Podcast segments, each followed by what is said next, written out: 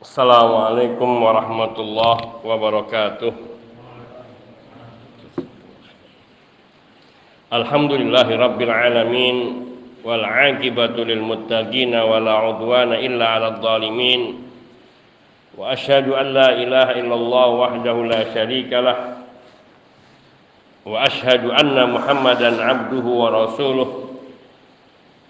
صلى الله عليه وعلى آله وأصحابه والتابعين ومن تبعهم بإحسان إلى يوم الدين أما بعد أخواني في الدين عزني الله وإياكم جميعا ورحمني ورحمكم masih kita mengkaji tentang masabbatul masabbatud dahr wa nahwuh yaitu termasuk kesyirikan-kesyirikan kecil namun ia bisa membawa kepada kesyirikan akbar yaitu mencela Allah Subhanahu wa taala dengan cara mencela masa. Artinya perbuatan mencela masa itulah yang mengakibatkan terjadinya celaan kepada Allah Subhanahu wa taala di antara perkara-perkara yang sering dilakukan oleh manusia yang mereka hanya bersandar kepada hukum kebiasaan, hukum yakni kelaziman yang hakikatnya perkara-perkara tersebut masuk ke dalam perbuatan yang bisa mengurangi ketauhidan merusak akidahnya yaitu mencela masa mencela angin mencela hujan mencela panas dan berbagai hal yaitu menisbatkan celaan tersebut kepada makhluk. Yang hakikatnya makhluk tersebut tidak memiliki kemampuan untuk bertindak dengan sendirinya Hujan ia tidak turun dengan sendirinya namun ia digerakkan oleh Allah Subhanahu wa taala sebagai zat yang mengatur. Demikian pula panas, demikian pula angin kencang dan berbagai macam peristiwa-peristiwa alam yang hakikatnya semuanya adalah makhluk belaka sehingga ketika celaan itu ditujukan kepada makhluk-makhluk atau peristiwa-peristiwa yang terjadi di masa ini hakikatnya ia mencela Allah Azza wa Jal karena Allah lah pencipta yang mengatur dan mengurusinya hakikatnya ini yang sering kita lihat dan bahkan mungkin sebagian kita kadang-kadang melakukan yang demikian ini ucapan-ucapan yang mencela yang ditujukan kepada alam. Banjir. Kemudian menyalahkan karena kebobolan bendungan atau karena aliran-aliran selokan yang tersumbat atau hal-hal lain yang semua itu hakikatnya mencela kepada Allah Subhanahu wa taala. Jadi segala hal yang dinisbatkan kepada makhluk dalam celaan maka hakikatnya itu celaan terhadap Allah tabaraka wa taala karena Allah lah yang menciptakan. Allah yang mengadakan dan Allah yang menyitir semuanya, mensetir semuanya. Seperti gempa ataupun tsunami ataupun meletusnya gunung yang kemudian mereka mengkaitkannya dengan ya ini segala peristiwa alam mengkaitkannya dengan kejadian-kejadian di alam ini kepada entah karena adanya gejolak dari dalam ini disebabkan karena mereka yang biasa menganalisa ini dari orang-orang yang berbicara tentang geofisika dan sebagainya hakikatnya menisbatkan kepada hal ini semua secara mutlak itu adalah salah sehingga seseorang hakikatnya mencela itu kepada Allah. Lalu bagaimana yang benar?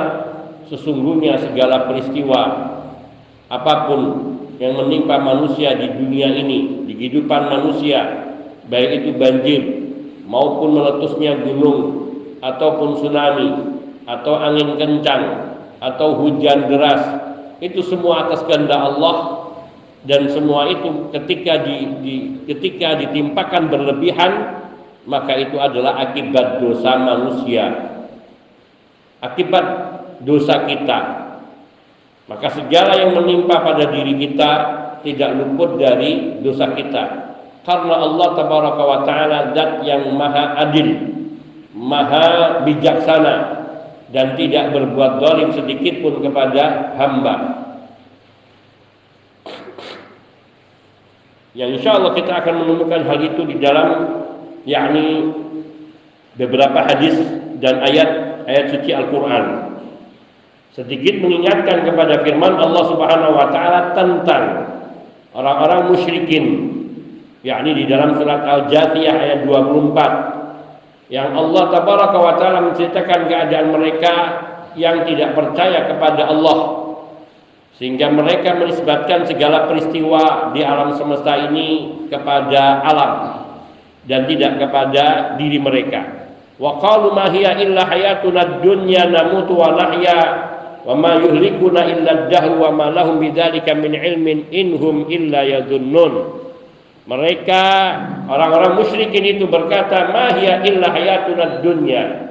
Ma hiya illa hayatuna dunya. Tidak inilah kehidupan kita di dunia ini. Kita mati kita hidup. Artinya ada orang yang mati dan ada yang lahir dan seterusnya seperti itu.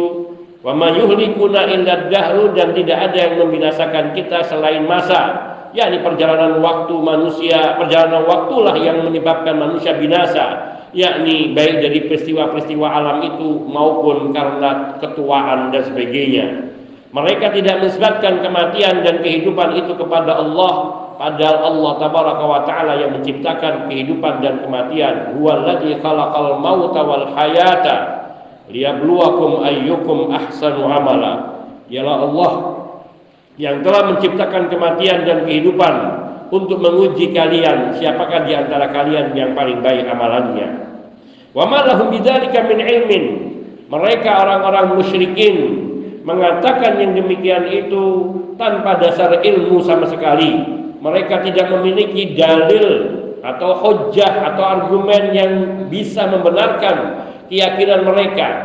Inhum illa yadhunnun. Mereka mengatakan yang demikian itu semata-mata hanya prasangka belaka persangkaan belaka bahkan mereka dengan ucapannya itu telah mendustakan hari kebangkitan yaitu ketika mereka mengatakan wa ma hiya illa hayatuna dunya ketika mereka mengatakan inilah kehidupan kita Mahya illa hayatuna inilah di sinilah kehidupan kita di dunia ini. Ya ini kehidupan kita itu di dunia ini. Alatinah nubia yang kita hidup di dalamnya. Laisa hunaka hayatun siwaha yang tidak ada kehidupan lain lagi setelah kehidupan dunia ini. Kita mati dan kita hidup. Yakni sebagian kaum mereka mati dan sebagian kaum yang lainnya mereka hidup. Ada yang mati dan ada yang lahir. Demikian itulah kehidupan alam ini dan kehidupan manusia di dalamnya. Dan ini adalah pengingkaran mereka akan adanya sang pencipta Allah tabaraka wa taala al-khaliq yang mengatur segala kehidupan dunia ini dan yang memberlakukan segala peristiwa di dalam kehidupan ini. Dan bukan kejadian ini bukan karena peristiwa alam belaka namun ada yang mengaturnya. Hujan, panas, segalanya itu semuanya adalah dari Allah Subhanahu wa taala. Dan segala macam pengetahuan itu sumbernya adalah teori dan teori itu kembali kepada prasangka.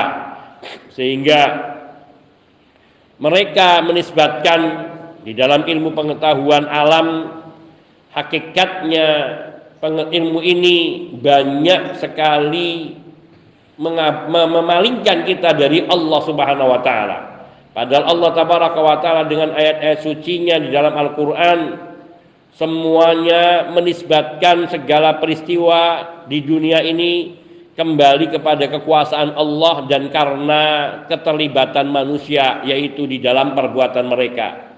Wa ma asabakum min musibatin fabima kasabat aidikum. Musibah apa saja yang menimpa kalian maka itu adalah akibat perbuatan perbuatan tangan kalian. Wa ya'fu an katsir dan Allah senantiasa memaafkan banyak kesalahan dan kekurangan manusia. Allah juga berfirman al fasadu fil barri wal bahri bima kasabat aydin nas 'amilu la'allahum yarji'un. Munculnya tampaknya kerusakan di daratan dan di lautan akibat perbuatan atau ulah dari tangan-tangan manusia liyudhiqahum agar Allah menimpakan rasa merasakan kepada menimpakan rasa kepada mereka dari sebagian apa yang mereka perbuat agar mereka kembali kepada Allah Subhanahu wa taala. Jadi ujian musibah yang menimpa manusia adalah dalam rangka mengingatkan manusia atas kelalaian mereka terhadap hak-hak Allah Subhanahu wa taala yang diharapkan mereka dengan peringatan itu mau kembali kepada Allah tabaraka wa taala, bersandar kepada Allah tabaraka wa taala. Sehingga tidak lagi kita mengatakan wa ma yuhlikuna illa dahr. Tidak ada yang menghidup mematikan kami, tidak ada yang membinasakan kami melainkan perjalanan malam dan siang, hari-hari yang berlalu. Maka di sini mereka menisbatkan kebinasaan itu kepada masa, yaitu dalam bentuk celaan, seolah-olah mencela bahwa masa inilah yang membinasakan kita dan bukan daripada ketetapan Allah Subhanahu wa taala. Padahal Allah tabaraka wa taala berfirman bahwa sungguhnya manusia itu diciptakan dari mulai nutfah, dari mulai dia sperma sampai kemudian dia menjadi alaqah, kemudian menjadi mudghah, kemudian menjadi makhluk yakni manusia ketika ditiupkan roh dan kemudian sampai pada waktu yang telah ditentukan oleh Allah ia lahir ke dunia dari kecil ada yang tidak sampai umur dewasa atau kanak-kanak dia meninggal di usia bayi. Ada pula yang sampai kepada masa remaja dan dia ada pula yang meninggal di usia remaja. Ada yang berusia sampai dewasa dan bahkan ada yang sampai tua renta. Ini semua ibrah dan pelajaran bahwa perjalanan hidup manusia itu semuanya ada di dalam kehendak Allah dan pengaturan Allah tabaraka wa taala mereka tidak menjadi besar tumbuh dengan sendirinya, namun semua itu diatur oleh Allah Subhanahu wa taala. Sebagian mereka ada yang dimatikan oleh Allah di masa muda, ada yang dimatikan di masa tua dan semua itu adalah kehendak Allah tabaraka wa taala dengan hikmah dan keadilannya. Dan tidaklah sekali-kali Allah berbuat zalim kepada hamba. Wa ma rabbuka bidzallamin lil dan Rabbmu sekali-kali tidak berbuat zalim kepada hamba. Wa ma yadribu rabbuka ahada. Dan Tuhanmu sekali-kali tidak berbuat zalim kepada seseorang pun. Maka sungguh menisbatkan kebinasaan, kematian, kesengsaraan, penderitaan, ujian, musibah kepada masa. Maka ini adalah celaan kepada Allah dan Allah tabaraka wa taala murka terhadap yang demikian itu. Dan sungguhnya mereka mengatakan yang demikian itu karena kebodohan mereka tentang Allah, karena ketidaktahuan mereka terhadap Allah Subhanahu wa taala. Mereka tidak mengenali Allah Subhanahu wa taala dengan sebaik-baiknya. Oleh karena itu Allah mengatakan wa ma lahum bidzalika min ilmin mereka mengatakan yang demikian itu tanpa dasar ilmu yang ada pada mereka. Inhum illa yadunnun semata-mata mereka mengatakan yang demikian karena berprasangka belaka yaitu dengan berprasangka jelek kepada Allah tabaraka wa taala. Maka setiap ucapan perkataan yang tidak dibangun di atas ilmu dan tidak dibangun di atas bukti maka itu adalah perkataan batil yang tertolak dan tidak bisa dipertanggungjawabkan di hadapan Allah tabaraka wa taala. Bukti-bukti menunjukkan bahwa sungguh, sungguh apa saja yang terjadi di alam semesta ini harus ada yang mengaturnya Yang mengatur ini adalah zat yang hakim, yang maha bijaksana, yang maha teliti, yang maha tekun, maha sempurna dalam semua penciptaan dan pengaturan alamnya ini. Dan Allah adalah zat yang maha hakim dan lagi qadir yang berkuasa. Berkuasa untuk mengatur semua yang ada di alam semesta ini tanpa ada suatu kesulitan pun bagi Allah tabaraka wa taala. Dialah Allah maha suci lagi maha tinggi. Maka setiap orang yang mencela masa hakikatnya ia mencela Allah dan setiap ia menisbatkan terjadinya sesuatu kepada peristiwa-peristiwa hakikatnya ia telah menganggap bahwa alam ini berperan sebagaimana peran Allah maka inilah letak kesyirikannya. Letak kesyirikan di dalam perbuatan mencela kepada masa yaitu ketika seseorang mencela masa menganggap masa itu mampu berbuat dan mampu menimpakan keburukan kepada makhluk dan itu artinya menganggap bahwa ada yang memiliki kekuasaan selain Allah tabaraka wa taala dalam pengaturan segala masa atau segala peristiwa di dalam masa ini. Maka di sini orang-orang musyrikin dan orang-orang dahriyah, orang-orang dahriyah itu yang menganggap mereka ateis, tidak menganggap adanya Allah. Mereka adalah orang-orang yang tercela karena mencela masa yang hakikatnya itu adalah celaan kepada Allah Subhanahu wa taala dan mereka sungguh mengatakan yang demikian itu tanpa dasar ilmu sama sekali dan tidak didasari dengan keyakinan yang benar. Di dalam hadis Sahih Bukhari dan Muslim serta yang diriwayatkan selain keduanya dari Abu Hurairah radhiyallahu taala anhu beliau berkata Rasulullah sallallahu alaihi wasallam beliau bersabda Qala Allah Allah Subhanahu wa Rasul qala Allah taala Allah taala berfirman maknanya bahwa Hadis ini adalah hadis kudsi. Allah berfirman, "Yu'dhini ibnu Adam yasubbud dahra wa ana dahru uqallibul laila wan nahar." Wa fi riwayatin la tasubbud dahra fa inna Allah huwa dahr. Sabda Nabi sallallahu alaihi wasallam yang yang beliau meriwayatkannya dari Allah, yakni hadis kudsi. Artinya hadis qudsi itu adalah firman Allah Azza wa Jal namun lafadznya dari Nabi dan maknanya dari Allah Subhanahu wa taala. Maknanya Nabi membahasakan firman Allah dengan bahasa Nabi, bukan dengan bahasa Allah, dengan dengan lafaz Allah. Berbeda Al-Qur'an. Kalau Al-Qur'an adalah firman Allah, lafaz dan maknanya semuanya dari Allah Subhanahu wa taala. Ada perbedaan antara hadis qudsi dengan ayat Al-Qur'an. Yang paling menonjol di antaranya bahwa Al-Qur'an semuanya mutawatir. Sedangkan hadis qudsi ada yang sahih, ada yang hasan dan ada yang dhaif. Ada yang sahih. Tapi juga ada yang hasan dan dhaif. Yang sahih dan hasan masih bisa diamalkan, dipegangi, diimani. Namun yang dhaif maka bila tidak ada penguat dari riwayat-riwayat lain yang sederajat maka dia tidak bisa diamalkan dan tidak bisa dipegangi. Hadis kutsi itu satu. Yang kedua bahwa hadis uh, Al-Qur'an itu kalau tadi mutawatir, yang kedua bahwa Al-Qur'an itu membacanya bernilai ibadah yang satu hurufnya dinilai dengan 10 kebaikan. Sedangkan hadis kutsi mempelajarinya ibadah namun tidak seperti membaca Al-Quran. Artinya tidak dinilai setiap hurufnya dengan 10 kebaikan. Namun mempelajarinya adalah ibadah secara umum. Sebagaimana ilmu-ilmu yang lainnya. Ketiga bahwa hadis kutsi Al-Quran itu dibaca di dalam sholat Al-Fatihah dan sesudah surat-surat Al-Fatihah itu dibaca di dalam sholat. Namun hadis kutsi tidak bisa dibaca di dalam sholat. Ya ada orang setelah baca Fatihah kemudian baca hadis kutsi. Meskipun itu firman Allah Subhanahu wa taala, tapi tidak bisa dibaca di dalam sholat. Kemudian juga bahwa ayat-ayat suci Al-Qur'an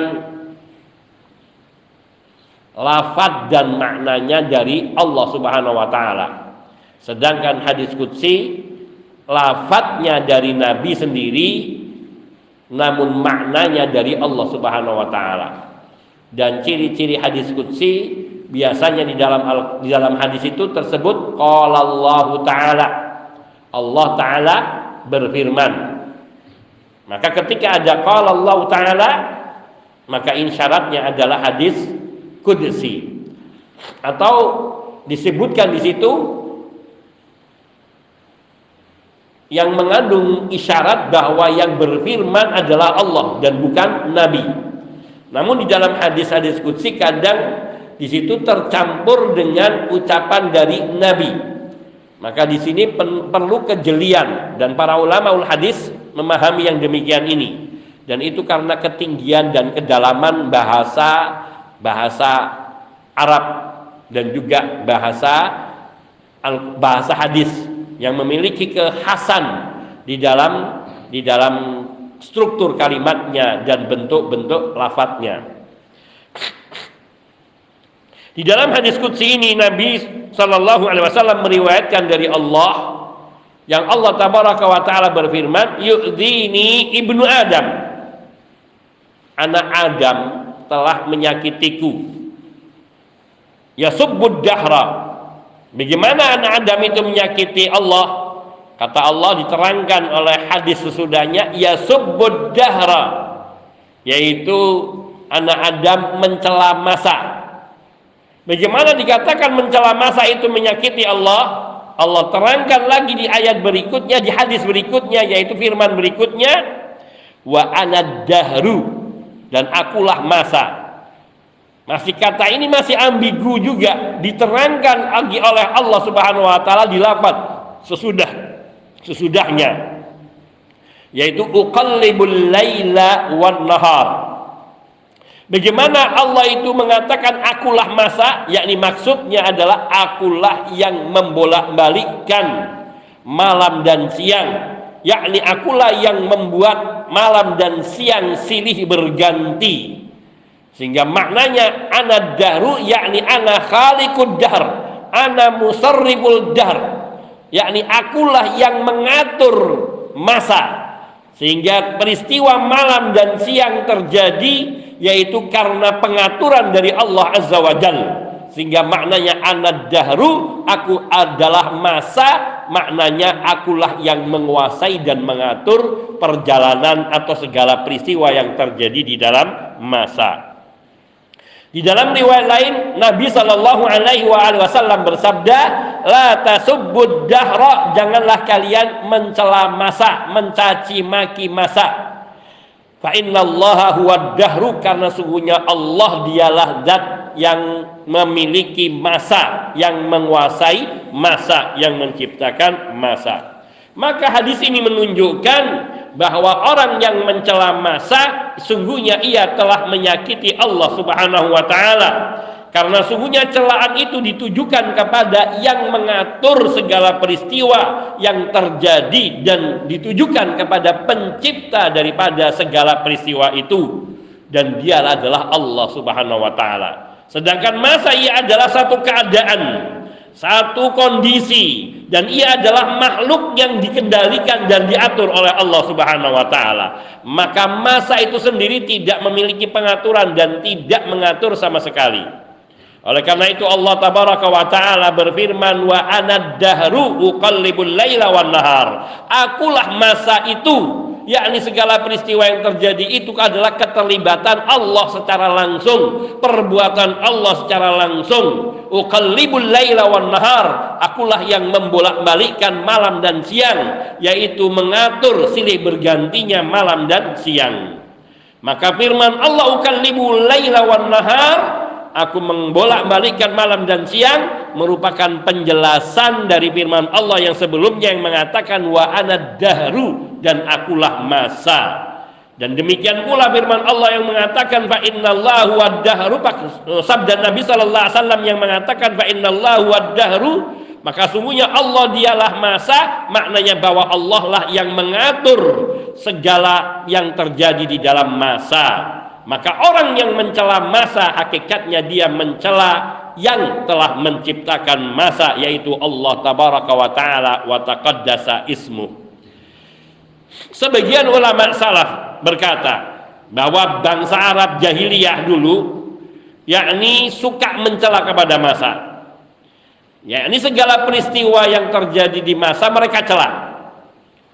Maka apabila mereka tertimpa kesulitan di dalam hidup atau tertimpa satu ujian bala, maka mereka mengatakan asabathum qawari'ud dahr. Sungguh mereka yang ditimpa masa itu, yang ditimpa yang ditimpa bala itu adalah akibat perbuatan masa. Wa abadahumud dahr, mereka dibinasakan oleh masa dan mereka mengatakan ya khaibatad dar duhai sialnya masa. Jadi mereka menisbatkan, mensandarkan segala perbuatan-perbuatan peristiwa-peristiwa yang menimpa pada mereka itu dinisbatkan, disandarkan kepada masa. Mereka mencelanya, mencacinya. Padahal semua itu terjadi dengan perbuatan dari Allah Azza wa Jalla. Maka ketika mereka melakukannya demikian itu ketika mereka me, me, me, tertimpa dengan hal-hal yang lebih berat lagi dari ujian-ujian kesulitan-kesulitan mereka semakin mencela masa. Jadi semakin ditimpa ujian semakin mereka mencela masa. Maka sungguhnya mereka semakin mencela Allah Azza wa Jal. Karena Allah Azza wa Jal dialah al-fa'il yang hakiki yang telah artinya Allah lah yang telah melakukan segala yang terjadi di dalam masa itu yang sebenarnya bukan yang lainnya. Hakikatnya di sini kita dituntut di dalam seluruh kehidupan kita untuk tidak menganggap peristiwa apa pun yang terjadi itu terjadi dengan sendirinya. Namun kita selalu dituntut di sini untuk zikrullah ingat kepada Allah bahwa semua yang terjadi ini adalah kehendak Allah dan kuasa Allah. Dan segala yang baik itu datangnya dari Allah. Dan segala yang buruk terjadi karena manusia itu sendiri. Maka tidak boleh kita mencela kepada masa. Akan tapi kita hendaknya mencela pada diri kita. Karena sungguhnya segala yang Allah timpakan dari keburukan itu kepada diri kita hakikatnya sebagai teguran agar kita kembali kepada Allah Subhanahu wa taala. Jadi tidak ada yang buruk meskipun kita merasakan kejelekan sesuatu yang menimpa kita itu kita rasakan tidak menyenangkan hakikatnya di dalamnya terkandung hikmah terkandung sesuatu manfaat yang besar Ketika kita mengenali Allah Subhanahu wa taala dengan baik, maka kita akan memuji. Oleh karenanya, segala apa pun yang menimpa kita, kita selalu diperintahkan untuk memuji Allah Subhanahu wa taala. Bila kita mendapati sesuatu yang kurang menyenangkan, maka kita dianjurkan mengucapkan alhamdulillah ala kulli halin Segala puji bagi Allah atas segala keadaan. Allah selalu terpuji di semua keadaan. Apa pun yang menimpa diri manusia, menimpa menimpa kehidupan ini, maka Allah tetap terpuji karena Allah tidak pernah berbuat zalim. Karena Allah senantiasa maha adil lagi maha bijaksana. Lalu kenapa ada keburukan, kejelekan yang menimpa pada manusia? Karena ulah-ulah manusia itu sendiri. Ulah perbuatan tangan manusia itu sendiri. Yaitu karena mereka berdosa, karena mereka berbuat kemaksiatan.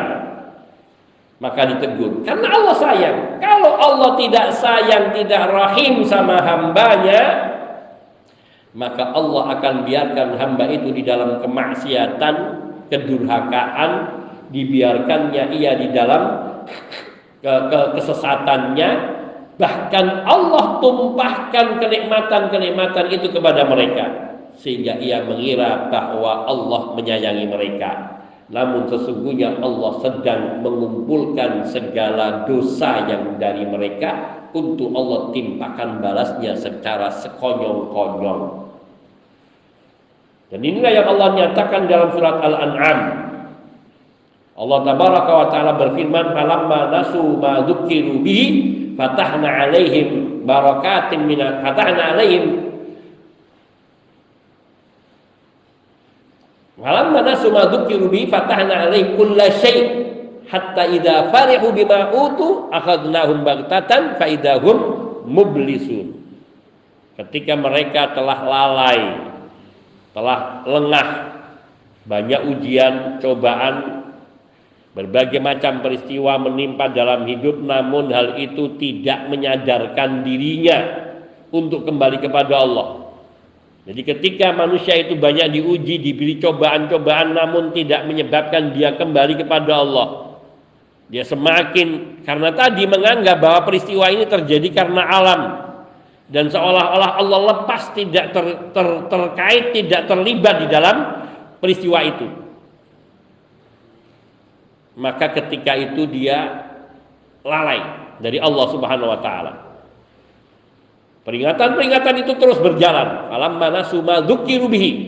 Ketika mereka lalai lengah dari segala yang kami peringatkan. Dari segala yang diperingatkan kepada mereka. Fatahna Kulla fatahna abwaba kulli syai. Kami bukakan bagi mereka pintu segala kenikmatan, segala kesenangan. Jadi kalau kita diingatkan oleh Allah, kemudian kita lalai tetap saja di dalam kemaksiatan, diperingatkan lagi tetap saja kita di dalam kemaksiatan billah, Allah akan bukakan segala pintu kesenangan. Akan dibuat sejahtera berlimpah segala macam. Namun itu bukan keriduan dari Allah Subhanahu wa taala. Namun itu istidraj.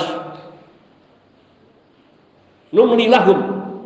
Kami jujur, kami tumpahkan segala kesenangan itu untuk mereka.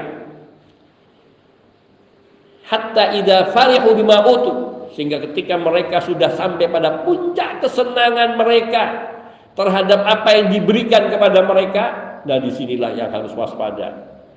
Akhadnahum baghtatan maka kami akan timpakan siksa kepada mereka secara tiba-tiba bagtah sekonyong-konyong dan saat itu faidahum mublisun saat itulah mereka tak berdaya putus asa tidak memiliki harapan untuk bisa selamat dari ancaman murka Allah tabaraka wa taala Kenapa yang demikian ini? Karena manusia lalai dari Allah Subhanahu wa taala menganggap segala apa yang menimpa dirinya ini tidak ada keterlibatannya dan ada kaitannya. Padahal setiap perbuatan manusia itu dibalasi oleh Allah. Faman ya'mal mithqala dzarratin khairan yara. Faman ya'mal mithqala dzarratin syarran yara. Barang siapa yang melakukan suatu kebaikan meski hanya sebesar darah sebesar biji darah atau sebesar semut kecil ya niscaya dia akan melihat balasan dari kebaikan yang dia kerjakan meskipun tampak kecil perbuatannya kecil tapi balasan Allah itu bisa setinggi langit Sebaliknya barang siapa yang beramal keburukan, melakukan dosa, kemaksiatan meskipun sebesar biji darah pasti juga dia akan melihat balasannya.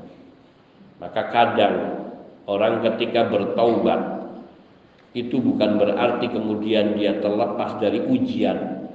Allah akan menguji sebagai balasan atas kedurhakaannya kepada Allah, tapi dengan yang lebih kecil Apabila hamba itu bersabar dan ridha dan dia lulus dengan ujian itu, maka dia akan mendapatkan kemuliaan di sisi Allah Subhanahu wa taala karena Allah mencintai hamba-hamba yang bertaubat kembali kepada Allah.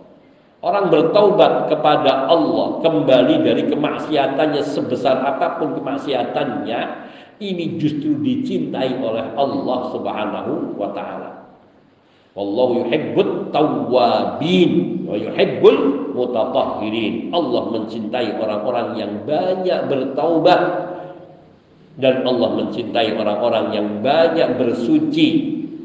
Bersuci dalam pengertian dohir yaitu senantiasa menjaga kesucian diri dari kenajisan ataupun juga dari dari uh, batal batal atau dari kenajisan dari kotoran-kotoran yang najis dan juga secara maknawi yaitu mensucikan diri dari dosa-dosa mensucikan diri dari kemaksiatan mensucikan diri dari segala kesyirikan, kekufuran dan kemunafikan ini semuanya orang-orang yang mensukai kesucian. Allah Subhanahu wa taala mencintai mereka seperti Allah mencintai orang-orang yang bertobat. Maka bertobat bukan sesuatu yang tercela, justru itu adalah perbuatan yang mulia. Karena sungguhnya tidak ada seorang pun dari manusia yang bisa luput dari dosa kecuali orang-orang yang Allah rahmati.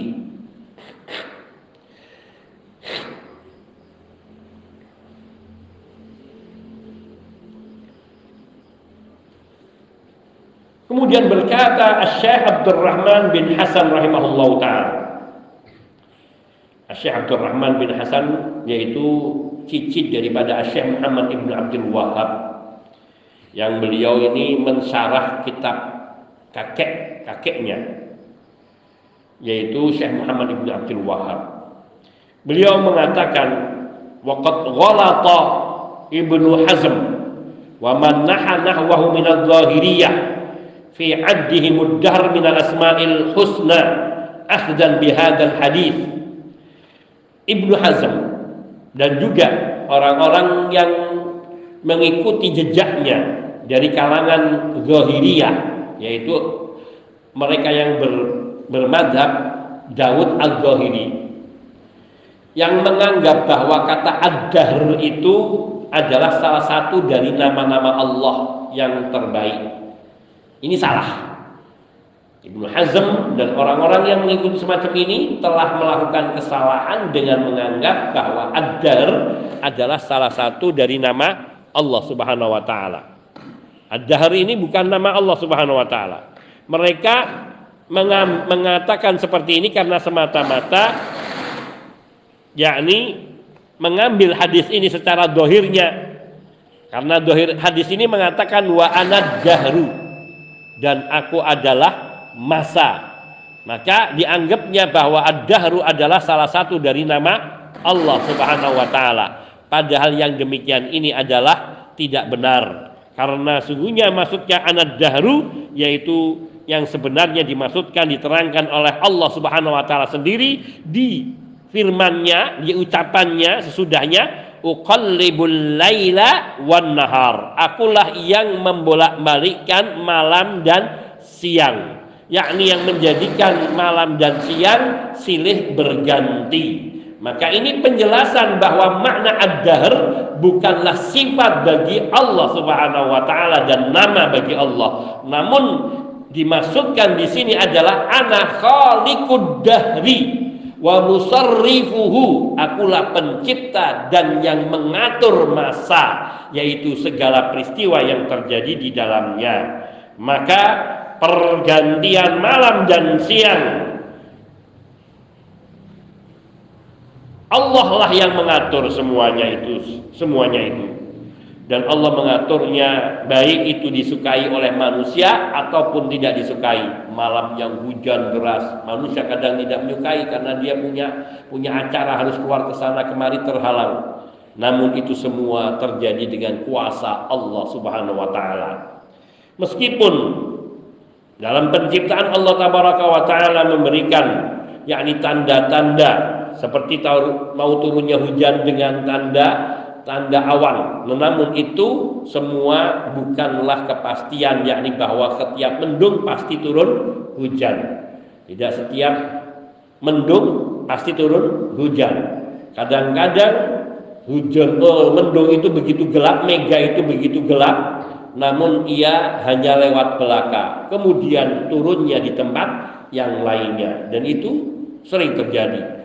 Bukan hanya sekali dua kali. Kadang kondisi masih terang, matahari bersinar begitu terang, terik matahari panasnya sangat menyengat, namun tiba-tiba tidak diduga-duga datang hujan deras. Padahal tidak diawali dengan mendung dan awan yang gelap. Karena sungguhnya semua tunduk dengan kuasa Allah dan mereka tidak. Dan Allah tidak mengadakan sesuatu dengan sebab musabab selalu. Seperti orang kaya tidak selalu dia itu pinter. Sebagaimana orang miskin tidak selalu orang duduk ada orang kaya yang memang pinter tapi ada juga orang kaya yang tidak pinter tapi dia kaya. Ada orang tidak lulus SD dan bukan orang yang pintar sekali. Tapi dia kaya, usahanya maju. Dan dia cara berpikirnya sederhana. Dan itu ada. Saya tidak perlu menyebutkan orangnya karena masih hidup orangnya nanti menjadi fitnah, tapi itu ada. Ada orang yang pintar, kalau ngomong luar biasa pinternya, sekolahnya juga tinggi sampai sarjana, ya tapi biasa-biasa saja, bukan orang kaya. Karena rezeki itu datangnya dari Allah. Allah yang mengatur siapa yang akan diberi kelapangan rezeki dan siapa yang akan diberi kesempitan atau kecukupan saja. Dan semua itu terjadi dengan kehendak Allah. Allah lah yang mengatur semuanya. Maka kita tidak boleh menyalahkan apalagi sampai kita bersikap keras dalam pendidikan kepada anak-anak untuk meraih dunia Tidak, karena rezeki itu sudah diatur, sudah mutlak rezeki seorang itu. Yang diwajibkan kita adalah berusaha untuk mendapatkannya dengan cara yang benar. Dan yang lebih kita pentingkan adalah bagaimana kita mengabdi kepada Allah dengan ilmu yang benar. Hada wa insyaallah kita lanjutkan setelah selesai salat Isya biidznillah wa sallallahu wasallam ala nabiyina Muhammadin wa alihi wa sahbihi ajmain walhamdulillahi alamin.